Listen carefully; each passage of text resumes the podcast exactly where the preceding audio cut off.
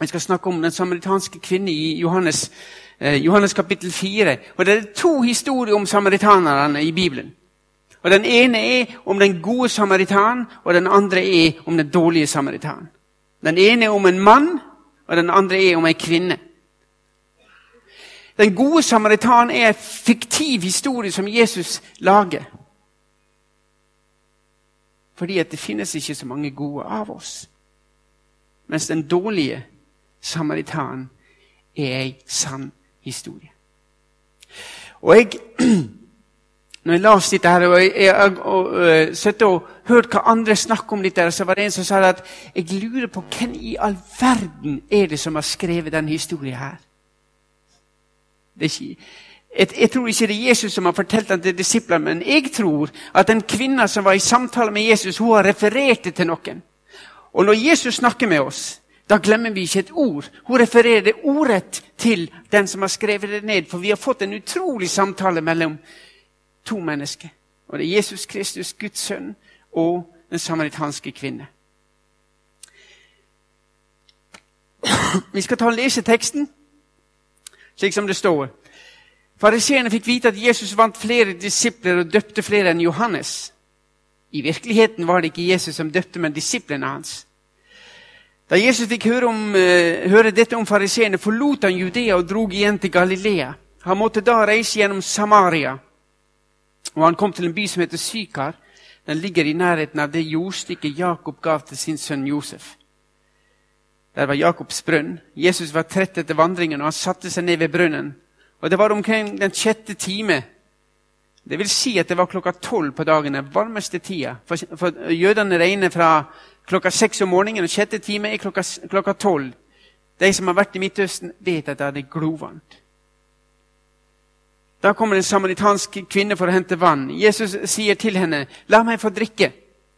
Hans disipler var nå gått inn i byen for å kjøpe mat, og hun sier, 'Hvordan kan du som er en jøde, be meg, en samaritansk kvinne, om å drikke?'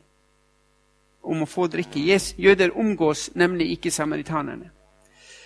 Jesus svarte, 'Kjente du Guds gave, og visste du hvem det er som ber deg om å drikke?' 'Da hadde du bedt ham, og han hadde gitt deg det levende vann.' Herre, sa hun, du har ikke noe å dra opp vann med, og brønnen er dyp. Hvor får du så det levende vannet fra? Du er vel ikke større enn vår stamfar Jakob, som gav oss brønnen og selv drakk av den, og likeens sønnene hans og buskapen hans. Jesus svarte, den som drikker av dette vannet, blir tørst igjen. Men den som drikker av det vann jeg vil gi ham, skal aldri mer tørste. Det vann jeg vil gi ham, skal bli en kilde i ham med vann som veller fram til, eh, og gir evig liv. Kvinnen sier til ham, 'Herre, gi meg dette vannet, så jeg ikke blir tørst igjen og slipper å gå hit og dra, dra opp vann.' Jesus sa til henne, 'Gå og hent mannen din, og kom så hit.' 'Jeg har ingen mann', svarte kvinnen. 'Med rette sier du at du ikke har noen mann', sier Jesus, 'for du har hatt fem menn, og den du nå har, er ikke din mann.' Du snakker sant.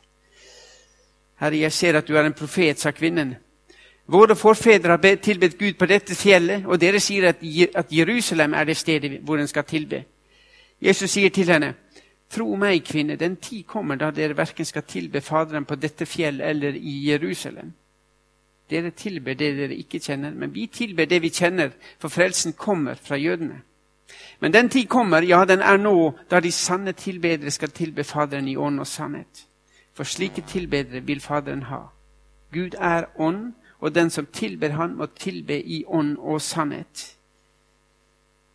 Jeg vet at Messias kommer, sa kvinnen. Messias er, den, er, det samme som Kristus. Og når han kommer, skal han si oss alt.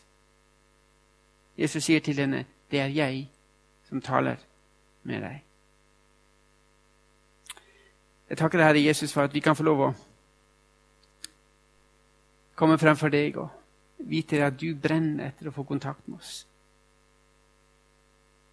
Herre Jesus, hjelp oss til ikke å avvise deg, slik som denne kvinna gjør. Hun prøver hele veien å av, avslutte samtalen, men du presser på, Jesus. Takk at du, du som kjenner oss, du ønsker å nå inn til oss. Takk at vi kan få lov å samles i ditt navn. Og hjelp du oss alle sammen til å sitte med åpne hjerter. Hjelp du oss til å kunne se nye ting i ditt ord. Amen.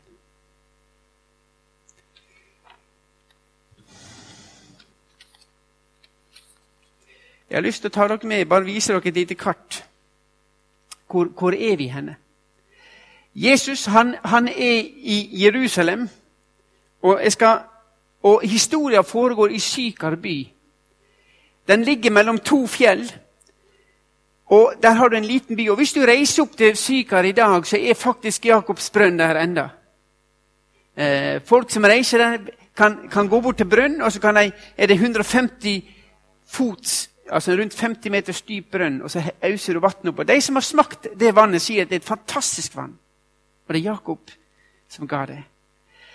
Jesus han er da i Jerusalem, og han har bestemt seg for å reise nordover til Galilea. For Jesus pendla mellom Jerusalem og Galilea. Hele veien var hans tjeneste mellom Jerusalem og Galilea. Og de store høytidene så reiste han tilbake til Jerusalem. Når da Jesus skal tilbake til eh, eh, Galilea Hvis han hadde vært sånn som alle andre jøder, så hadde ikke han tatt den raskeste veien, sånn som den pila her indikerer. Fordi da måtte han gå gjennom Samaria. Jødene hater samaritanerne. Og samaritanerne hater jødene. Og hvorfor det? Jo, for 500 år før Jesus kom, så hadde jødene blitt ført i eksil. Vekk ut av eh, Israel. Det var noen få som klarte å, å, å, å skjule seg og, og, bli værende igjen i Israel. Men alle kvinner var tatt. Det var ingen kvinner igjen. slik at disse jødene som da ble igjen, de gifta seg med kvinner fra andre stammer som Gud hadde sagt at de ikke skulle gifte seg med. Slik at de ble ureine i forhold til det å være jøder. Men de ble værende i landet. Og når da jødene kom tilbake fra eksilen, så, så uh, spurte disse samaritanerne kan vi få lov å bli regna inn blant jødis, jødene, for vi er jo jøder tilbake. Og jødene sa blankt nei, dere er ureine. Dere har blanda dere med andre eh, stammer, så dere får ikke lov å være en av jødene.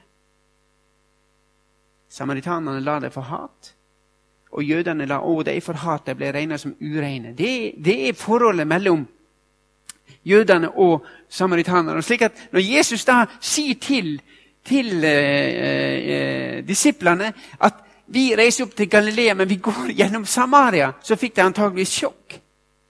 Fordi det som da skjer, er at normalt sett så gikk de den, den ruta til høyre. De gikk ned i Jordandalen, ned gjennom Jeriko, oppover langs Jordan, og det var 110 km ekstra 110 km ekstra å gå. Men det gjorde det, for de ville ikke innom eh, samaritanerne. Og vet du, Det er utrolig med den, den, den ene historien når det gjelder samaritan, den gode samaritan. Den jøden som blir overfalt mellom Jeriko og Jerusalem hvis dere leser historien, det er på vei fra Jeriko ligger lavere og er på vei opp, og det er veldig ødemark. Eh, Pål sa det i går, at når du reiser fra Jeriko opp, så er det en enorm ødemark mellom der, og det er øde, og der lå røverne. Den mannen som Jesus beskriver, han hadde tatt veien ned i Jordandalen og var på Jeriko og var opp til Jerusalem, og der ble han overfalt. Og Han hadde gjort det fordi at han ikke skulle treffe samaritanerne. Og så forteller Jesus så kommer det en samaritan på veien og hjelper. Men i hvert fall jødene hata det så mye at de gikk veien ned i Jordandalen, opp gjennom Perea opp til Galilea. Men her sier Jesus Vi skal opp til Galilea, vi går gjennom Samaria. Det står ingenting om at disiplene sier nei, vi kan jo ikke gjøre det. De turte ikke å gå imot Jesus. De turte ikke å si at dette må ikke vi gjøre. Jesus han går inn i et land der han vet at jødene liker ikke det. Men han gjør det. Og for meg så forteller det òg at Jesus han bryr seg slett ikke noen ting om hva andre tenker om de personene. Jesus bryr seg slett ingenting om hva de andre synes om deg. Han vil ha kontakt med deg. Han bryter alle etiketter. For han ønsker å få deg, mennesket, i tale. Og som jeg sa, klokka, nei, den sjette time, det er klokka tolv, den varmeste tid på dagen, sitter han ved brønn, Jakobs brønn. Og hvis vi leser historien, så ser vi det at Vi ser på klokka, så går tida. Når vi leser historien, så ser vi det at den dama som Jesus snakker med, hun prøver under hele samtalen å avslutte samtalen. Hun ønsker egentlig ikke å ha kontakt med han. Og hvorfor går hun klokka tolv til brønnen? Jo, fordi hun vet at klokka tolv er det ingen andre som er ved den brønnen. Og grunnen til at du går dit, er sikkert at hun har sikkert et rykte på seg. Hun er sikkert vant med at folk slenger etter henne. Jeg vet ikke hva de kalte henne. Kanskje de kalte henne byens hore? Kanskje de kalte henne et tøyte? Men hun likte i hvert fall ikke å være der sammen med de andre kvinnene. For det var kvinnene som henta vann. Hun likte ikke kvinnene, men hun likte veldig godt menn. Og så sier, sitter Jesus der.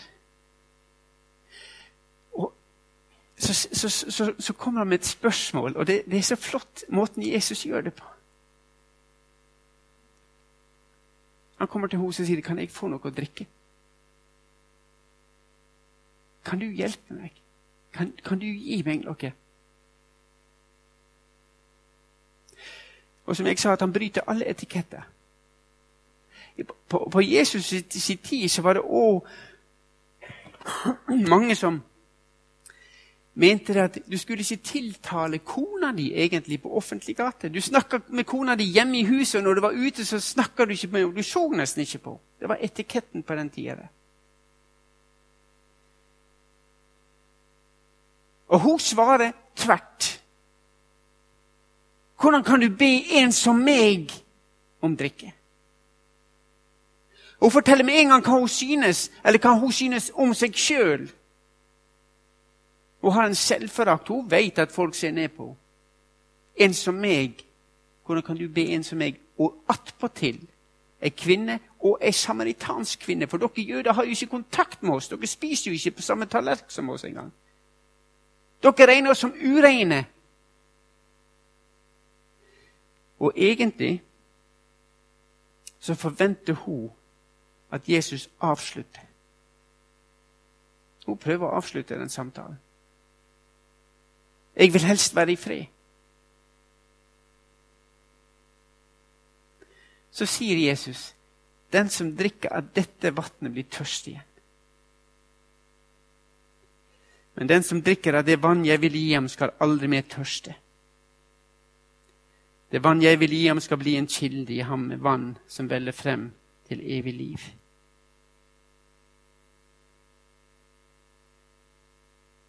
Det er to måter å reagere på på, den, på det verset her. Enten så løfter du hendene og så sier 'takk og lov, Gud'. Fantastisk! Utrolig det Jesus sier. At det skal bli et kilde til, til evig liv i ditt liv. Eller du fleiper det vekk. Du fleiper det totalt vekk. Og jeg av og til så lurer på hun, Denne kvinnen her, hun fleiper det vekk. Hun bruker sarkasmen når Jesus kommer og sier dette. her. Og jeg lurer på i mitt liv, når Jesus kommer med et tilbud, hvordan reagerer du og jeg? Med lovsang sier 'Takk, kjære Gud', for at det er sannhet. Ditt ord er sannhet. Jeg kan få lov å leve på det. Jeg kan få lov å bygge livet mitt på det. Eller sier vi som hun Herre, gi meg dette vannet, så jeg ikke blir tørst igjen, og jeg slipper å gå hit og bære opp vann mer. Mange tror at en dame sier det som et ønske, men egentlig er det sarkasme fra henne. Tror du virkelig Og så kommer hun med det at gi meg det, det vannet, så jeg slipper å drive og jobbe. Slipper, slik at jeg slipper å gå og, og, og, og hente vann hver dag.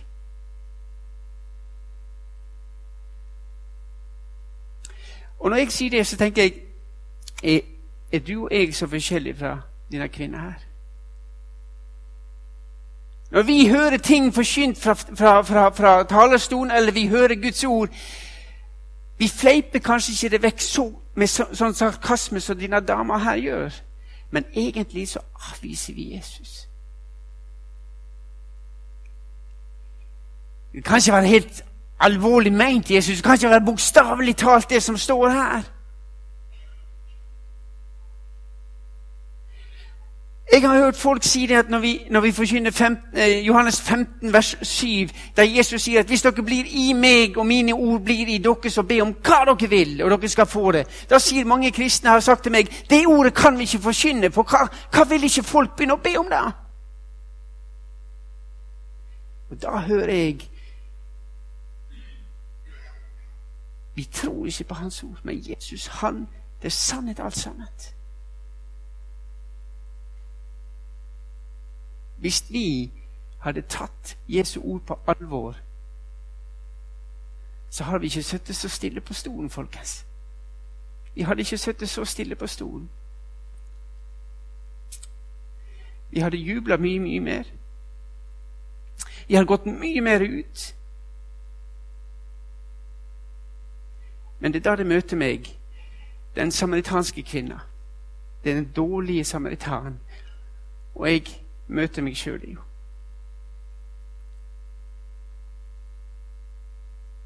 Men Jesus han lar, seg, han, han lar henne ikke avslutte samtalen. Han går videre, og så sier han Når han hører sarkasmen, så blir Jesus alvorlig.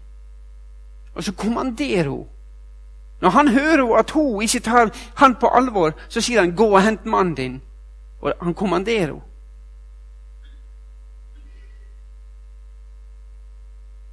Og så sier denne kvinnen her Og hun forstår det, så sier hun 'jeg har ingen mann'. Og så sier Jesus, 'Ja, med rette sier du at du ikke har noen mann', for du har hatt fem menn, den du har nå, er ikke din mann. Så du snakker sant.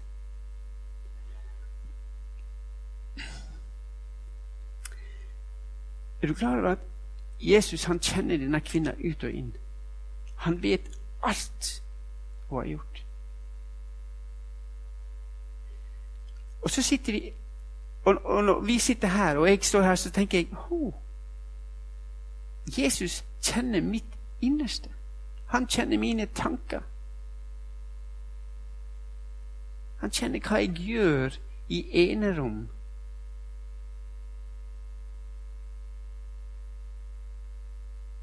Og han veit at jeg er befengt med synd. Men likevel vil han gå videre med meg. Likevel så vil han gå videre med denne dama her. Du, jeg vet alt om deg. Og plutselig og plutselig blir det utrolig alvorlig for denne dama.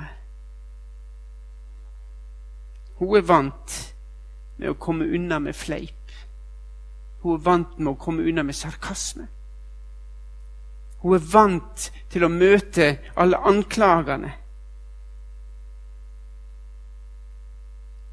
Men Jesus, han vet at det er en plass i hennes liv som bare kan fylles av Gud, fordi at hun, den samaritanske kvinne, var, møtt, nei, var skapt i Guds bilde. Og bare Gud kunne fylle den plassen. Og han visste at den plassen var tom, og hvis ikke du har Gud i den plassen, så fyller du den med noe annet. Og den kvinna der, hun var sikkert, eller hun hadde et enormt behov for kjærlighet. Det er overbevist om. Ellers hadde det ikke gått fra mann til mann. Det var noe som hun lengter etter. Og Jesus han visste at bare Gud kan fylle den plassen i deg.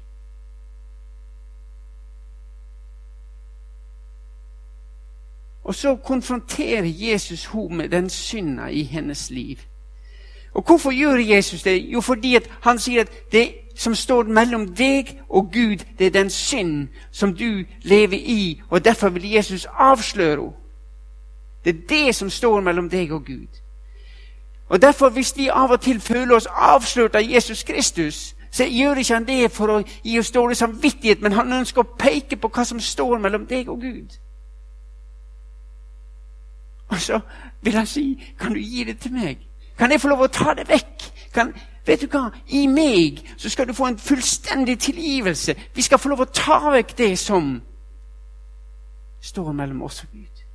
Og Det er derfor han sier til henne å avsløre synda i hennes liv. Hvordan reagerer hun da? Og vet du, Hele den historien er egentlig et, et, flott måte å se hvordan vi mennesker eller hvordan mennesker avviser Jesus. Sånn at Når de kommer inn til det punktet at Jesus avslører synd i hennes liv, plutselig blir det utrolig personlig. Og plutselig Hun er utrolig dyktig, denne dama. For å få det vekk fra seg sjøl så, så tar hun opp et teologisk spørsmål. Har du ikke vært i samtale med folk og vitna for folk, og plutselig så sitter du i en debatt? Ja, er det de kristne eller muslimene eller buddhistene som har rett? Hæ? Plutselig så får du et teologisk svar, fordi da vil folk, da blir det plutselig så personlig. Så la oss hive det over på teologien. Og så får du det spørsmålet. Og Jesus han skjærer rett igjennom. Jesus han skjærer rett gjennom det måten hun prøver å komme unna på. Han sa hvis det er snakk om teologi, så kan jeg fortelle deg én ting. sa han, At jødene har rett. Dere tror på det dere ikke kjenner, og dere tilber her i Samaria. Men til, jødene tilber den ene sanne Gud.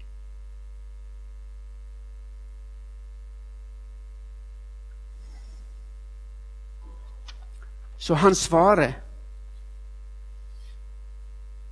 på hvem hun er. Eller eh, svarer, eh, han setter et svar at hvis du snakker om teologi, så er det den rette teologien. Ja. Og jeg, jeg, må bare si det at Når du kommer inn på sånne ting som at folk begynner å si ja, men er det kristendom, eller er det buddhistene eller muslimene som har rett, så sier jeg Jesus Kristus. Han er den eneste personen i denne verden hvor vi kan bli frelst. Ingenting annet. Og da er det diskusjonen, den teologiske diskusjonen over.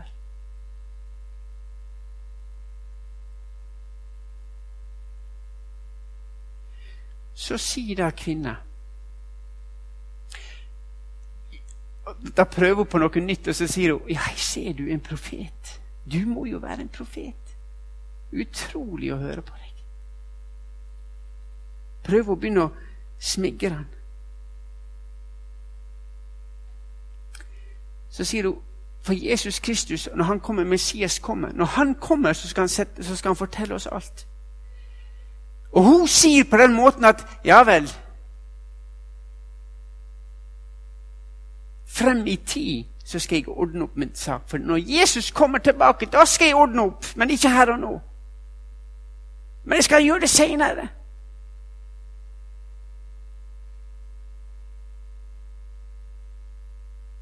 Og når hun sier at Jesus, ja, du er en, du er en profet, og så sier du hvem er du egentlig? så sier Jesus så, også, i, i, den norske bibelen så, så, står det 'Jeg er'. Jeg er den jeg er. Men egentlig bruker Jesus det ordet som står i, i Tredje Mosebok. Der når Moses treffer Gud foran, foran nei, tornebuska, så sier Moses 'Hvem er du?' Og så sier Gud 'Jehova'. Altså 'Jeg er'. Det er det ordet Jesus bruker til denne kvinnen her. Og Jesus bruker ikke det mange ganger. Han bruker det en gang til i Getsemane. Hvis dere leser historien i Getsemane, så står det om at farisererne kommer, og soldatene kommer og skal hente han. Og så spør de hvem er det dere leter etter. Og så sier de Jesus fra Nasaret. Og så sier Jesus det er jeg, står det i den norske bibelen. Men på grunnspråket så sier Jesus Jehova, jeg er. Og så står det at prester, fariserene og soldatene de er datt flat til bakken. De ble livredd. Hvorfor det? Jo, fordi at plutselig erkjente de Oi! er det Gud vi har med å gjøre. Og i det øyeblikket sier Jesus sier til denne kvinnen at 'jeg er' Det er jeg som står foran deg.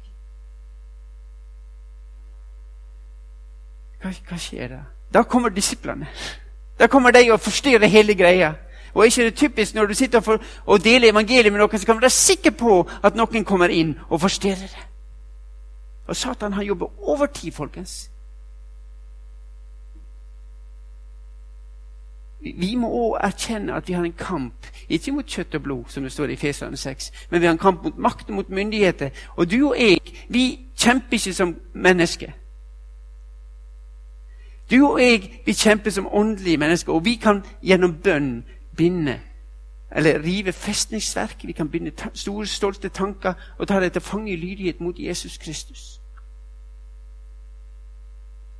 Men når disiplene kommer, så står det det at kvinna setter fra seg krukka, og så springer hun inn til byen.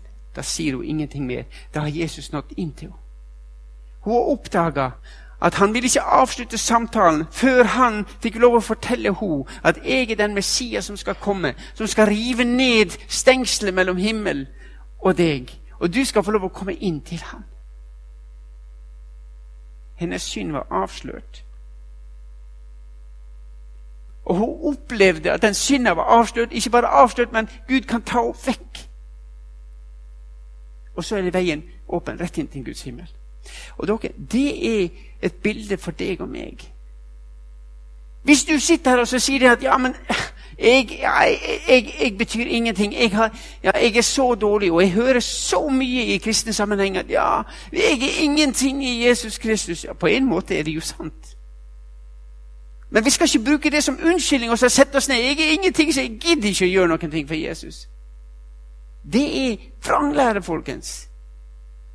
Min Herre og din Herre har sagt at dere som tror på meg, skal gå ut og gjøre større tegn og under enn det jeg gjorde. Dere skal være mitt mine vitnesbyrd i dag. Jesus kan ikke gå rundt på denne jord i dag, men du og jeg kan gå rundt og finne de samaritanske, de som er synd, og vi kan få lov å fortelle dem sannheten. Men dere, da må vi for Guds skyld kjenne Hans ord. Vi må vite hva vi skal si. Og Det å sende noen ut i krigen uten et våpen er det samme som, som et mord. Å sende han, Gå ut og kjempe mot fienden, og så bare sender han ut.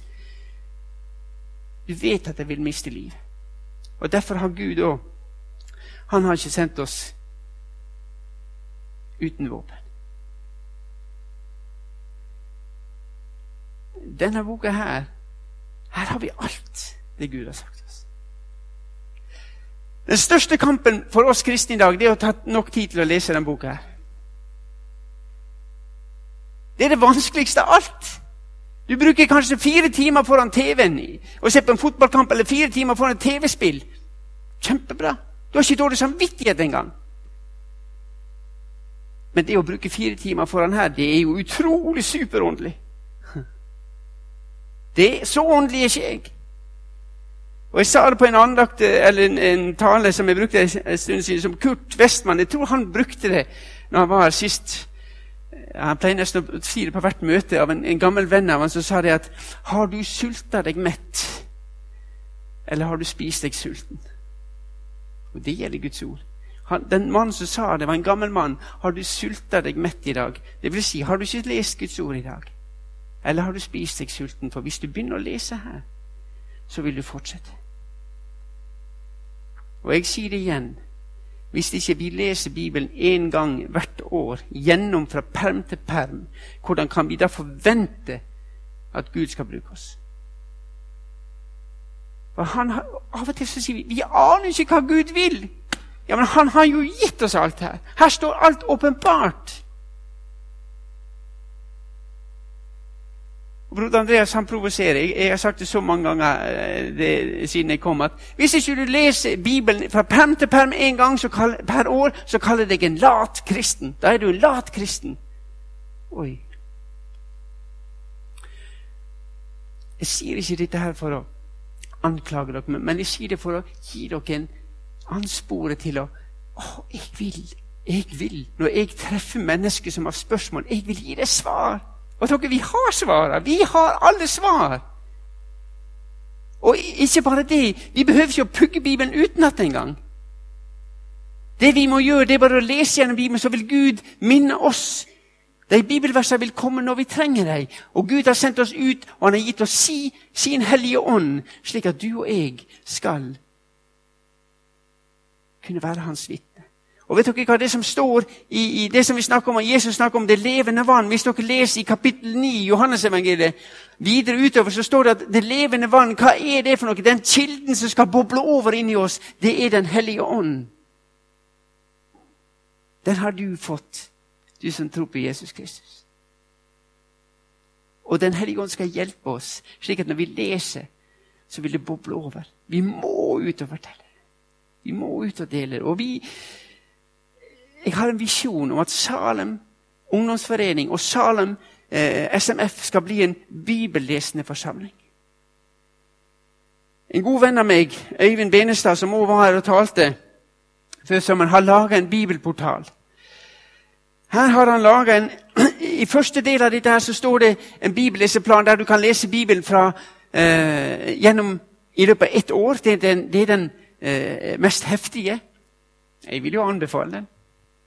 Her kan du krysse, krysse av, og det hjelper deg. Og Hvis du følger den planen, så er du gjennom Bibelen på ett år. Og det, det, flotte er jo at en måned er på 25 dager, ikke 30 dager. Så du har fem dager for å fange opp de gangene du ikke får lest.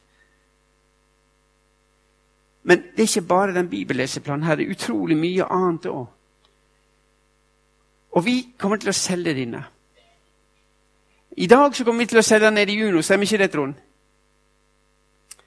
Og jeg skulle ønske Vi har 220 stykker der nede. Jeg skulle ønske at i morgen så kan vi komme på M1 og si dessverre, vi har ikke flere bibelportaler igjen. Vi skal, vi skal skaffe flere til dere. Nede i Uno selger det for 50 kroner stykket. Og jeg vil anbefale at det er den beste investeringen du kan gjøre. Og ikke bare det. Ikke kjøp han og la han få ligge. Men han er såpass liten at han passer presis inn i Bibelen din.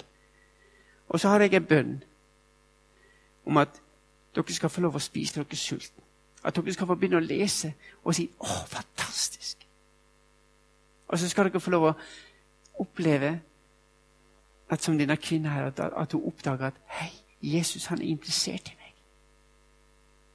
Han ønsker å gi meg noe, han ønsker ikke å anklage. Og jeg skal avslutte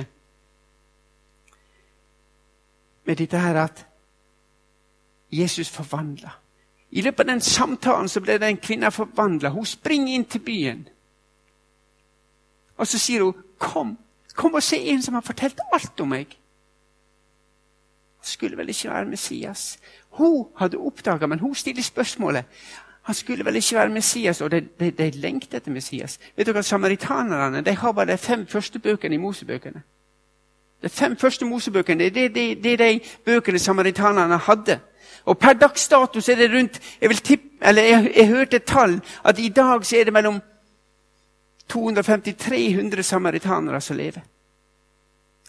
De har de eldste avskriftene av Bibelen, og det er fem bøkene fra Mosebøkene. Eh, British Museum de har tilbudt en formue for å få kjøpe de rullene. der, for Det er de eldste, de er 2700 år gamle. Hvis dere reiser til Sykar eller Samaria, så kan dere se på de rullene i dag.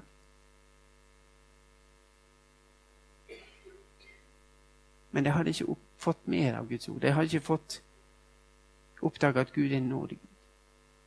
De trodde at de måtte holde alle lovene. Og Så kommer Jesus og presenterer han at 'Jeg vil forvandle dere'. Og Når dere kommer hjem igjen, så gå og les Johannes 2. Det er vinunderet. Jeg har snakka om det her tidligere. Og jeg har lyst til å bare si at det Jesus gjør når han gjør vann om til vin, er det at det vannet som han skapte for Jesus sier ikke til den samaritanske kvinnen du må forvandle deg, men han sier la meg få lov å komme inn i livet ditt. La jeg få skape den forvandlinga. Og i, i, i, Johannes 2 så er det slik at de vannkarer som Jesus eh, som står innafor der, det er vannkar til å vaske seg på utsida. Jødene veldig, hadde renselsesskikk at de måtte vaske seg, og de måtte ikke spise med ureine hender, for da ble de ureine innvendig. Og så tar Jesus de kara. Det er, 6, ja, det er mellom 450 og 650 liter vann. Så det, det, er jo et bryllup, og det blir sikkert en kjempefest. Jeg, jeg kan tenke på at det bryllupet var det veldig mye latter. Og veldig stor glede. Og det gikk nok ikke helt beint, tror jeg. Men jeg har lurt på hva er det du prøver å si, Jesus? Hvorfor gir du deg brenn, eh, alkohol? Kunne ikke gjort vatten, vin om til vann heller. Det er jo sånn vi tenker. Men Jesus han, han viser at dere er opptatt med det ytre. Dere er så opptatt med det ytre at dere skal se flotte ut, men jeg vil forandre dere innvendig. På samme måte som dere drikker alkohol, så blir dere totalt forvandla. Dere, dere, vil se det på måten en som, som, går. Han klarer ikke å skjule at han, er, at, at han er full. Har dere sett fulle folk? De prøver for sitt harde liv å skjule at de er påvirket, men du klarer jo ikke det. Fordi at du, hodet ditt er påvirka. Ikke sant? Men hvordan er det med alkohol? Du drikker det, så går det ned i magen. Og bare etter kort tid så påvirkes du, og du blir påvirka.